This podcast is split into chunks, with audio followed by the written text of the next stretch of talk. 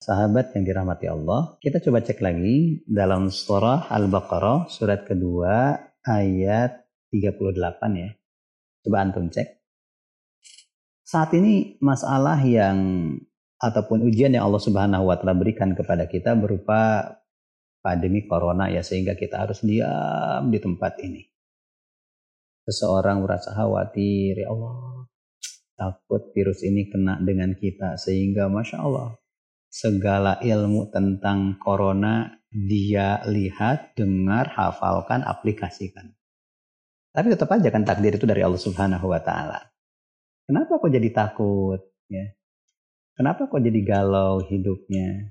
Coba kalau antum cek ayat ini, mudah-mudahan galau ataupun takut hilang dari diri kita. Allah berfirman, Kul nahbitu min hajamian.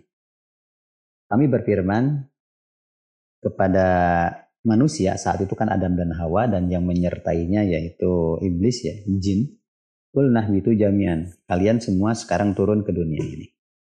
Faima ya'tiyanakum minni hudan. Nah, ketika kalian nanti di dunia mendapati petunjuk dariku, faman tabi'a hudaya, Barang siapa yang serius mengikuti petunjukku, artinya ketika kita hidup di dunia ini, serius mengikuti Al-Quran, maka ada dua hal yang Allah Subhanahu wa Ta'ala akan berikan kepada kita. Itu hak kita. Allah akan pasti diberikan dua hal ketika kita mengikuti petunjuk itu. Apa itu?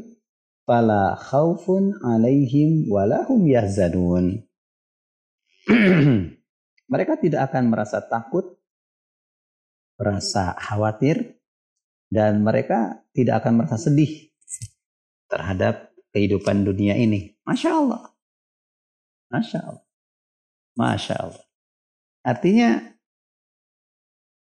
kenapa kita takut? Kenapa kita khawatir? Kenapa kita galau? Kenapa kita sempit hati? Ternyata kalau dilihat dari surat 38 dari Al-Baqarah ini, boleh jadi tadi karena kita kurang serius menjadikan Al-Quran sebagai petunjuk kita. Padahal ketika kita mengikuti Al-Quran, jaminan dari Allah udah jelas kok. Hilangnya rasa takut dan hilangnya rasa khawatir. Coba kalau kita lihat, rasa takut itu apa? Hilangnya rasa takut. Itu tenang. Tengah. Kemudian list hilangnya rasa khawatir, ya senang. Udah. Masya Allah.